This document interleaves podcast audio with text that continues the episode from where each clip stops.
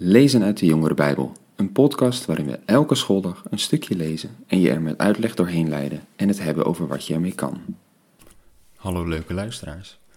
Mooi dat je weer luistert naar een nieuwe podcastaflevering. Afgelopen dagen lazen we verschillende verhalen die Jezus vertelde over wat hij sprak en de toekomst die zou gaan aanbreken. Als we verder lezen in Marcus, waar we gebleven zijn, Marcus 4, dan komen we een mooi verhaal tegen over de storm op het meer. Laten we maar eens lezen.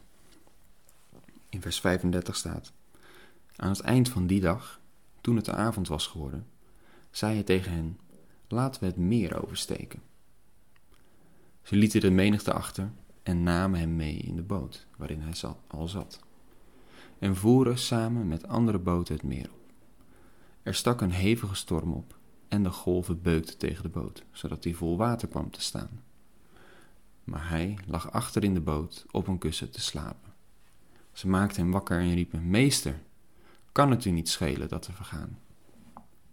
Toen hij wakker geworden was, sprak hij de wind bestraffend toe en zei tegen het water: Zwijg, wees stil. De wind ging liggen en het water kwam helemaal tot rust. En hij zei tegen hen: Waarom zijn jullie zo angstig? Geloven jullie nog steeds niet? Ze werden bevangen door grote schrik en zeiden tegen elkaar: Wie is hij toch dat zelfs de wind en het water hem gehoorzamen? Een mooi verhaal.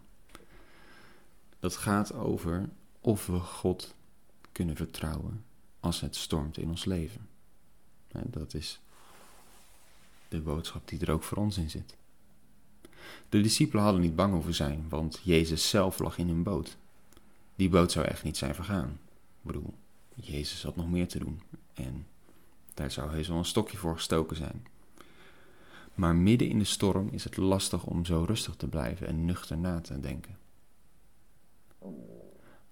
Wat apart, hè? als je het je voorstelt dat Jezus in al dat geweld, terwijl de boot volloopt, gewoon dwars door alles heen slaapt.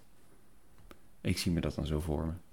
Die mannen die staan te ploeteren en Jezus die een beetje loopt te tukken achter op een kussen. Hij wordt er niet onrustig van, maakt zich geen zorgen en kan blijkbaar gewoon ongestoord blijven liggen.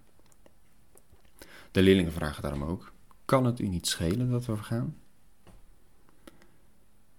En wat ook apart was, was dat de leerlingen blijkbaar nog steeds niet doorhadden wie Jezus echt was dat alles naar hem luisterde, zelfs de wind en het water.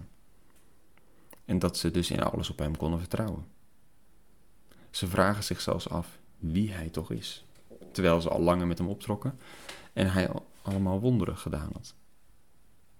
Nou ja, wat zou je hiermee vandaag nog kunnen? Er gebeurt van alles in je leven. Ook in ons leven kan het stormen dat alles mis lijkt te gaan en je wanhopig je afvraagt hoe je verder moet. Wat doe je dan? Als God nergens te bekennen is, als het lijkt alsof God slaapt. Als je hoopt op een wonder, maar je lijkt te verdrinken. Kan je dan op God vertrouwen? Dat Hij de touwtjes in handen heeft? Kan het Hem, eh, als Hij lijkt te slapen, dan niet schelen dat we het hier moeilijk hebben? En ja, volgens de Bijbel moet het in onze tijd zelfs onrustiger worden. Meer oorlog en chaos. En dat allemaal voordat Jezus terug zou komen. Dus jij zou kunnen zeggen: maak je borst maar nat. Maar dan, dat mogen we ook uit dit verhaal meenemen, dan mogen we dus vertrouwen hebben. God weet wat hij doet.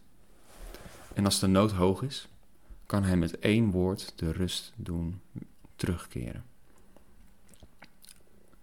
Ook in de wereld zou hij dat doen, als het beloofde koninkrijk op aarde gaat aanbreken voor Israël.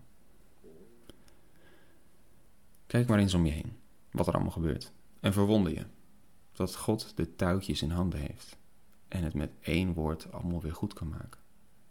Zo groot is God. Maar ja, aan ons dus de taak om dat te vertrouwen. Maar dat is eigenlijk ook precies wat geloof is.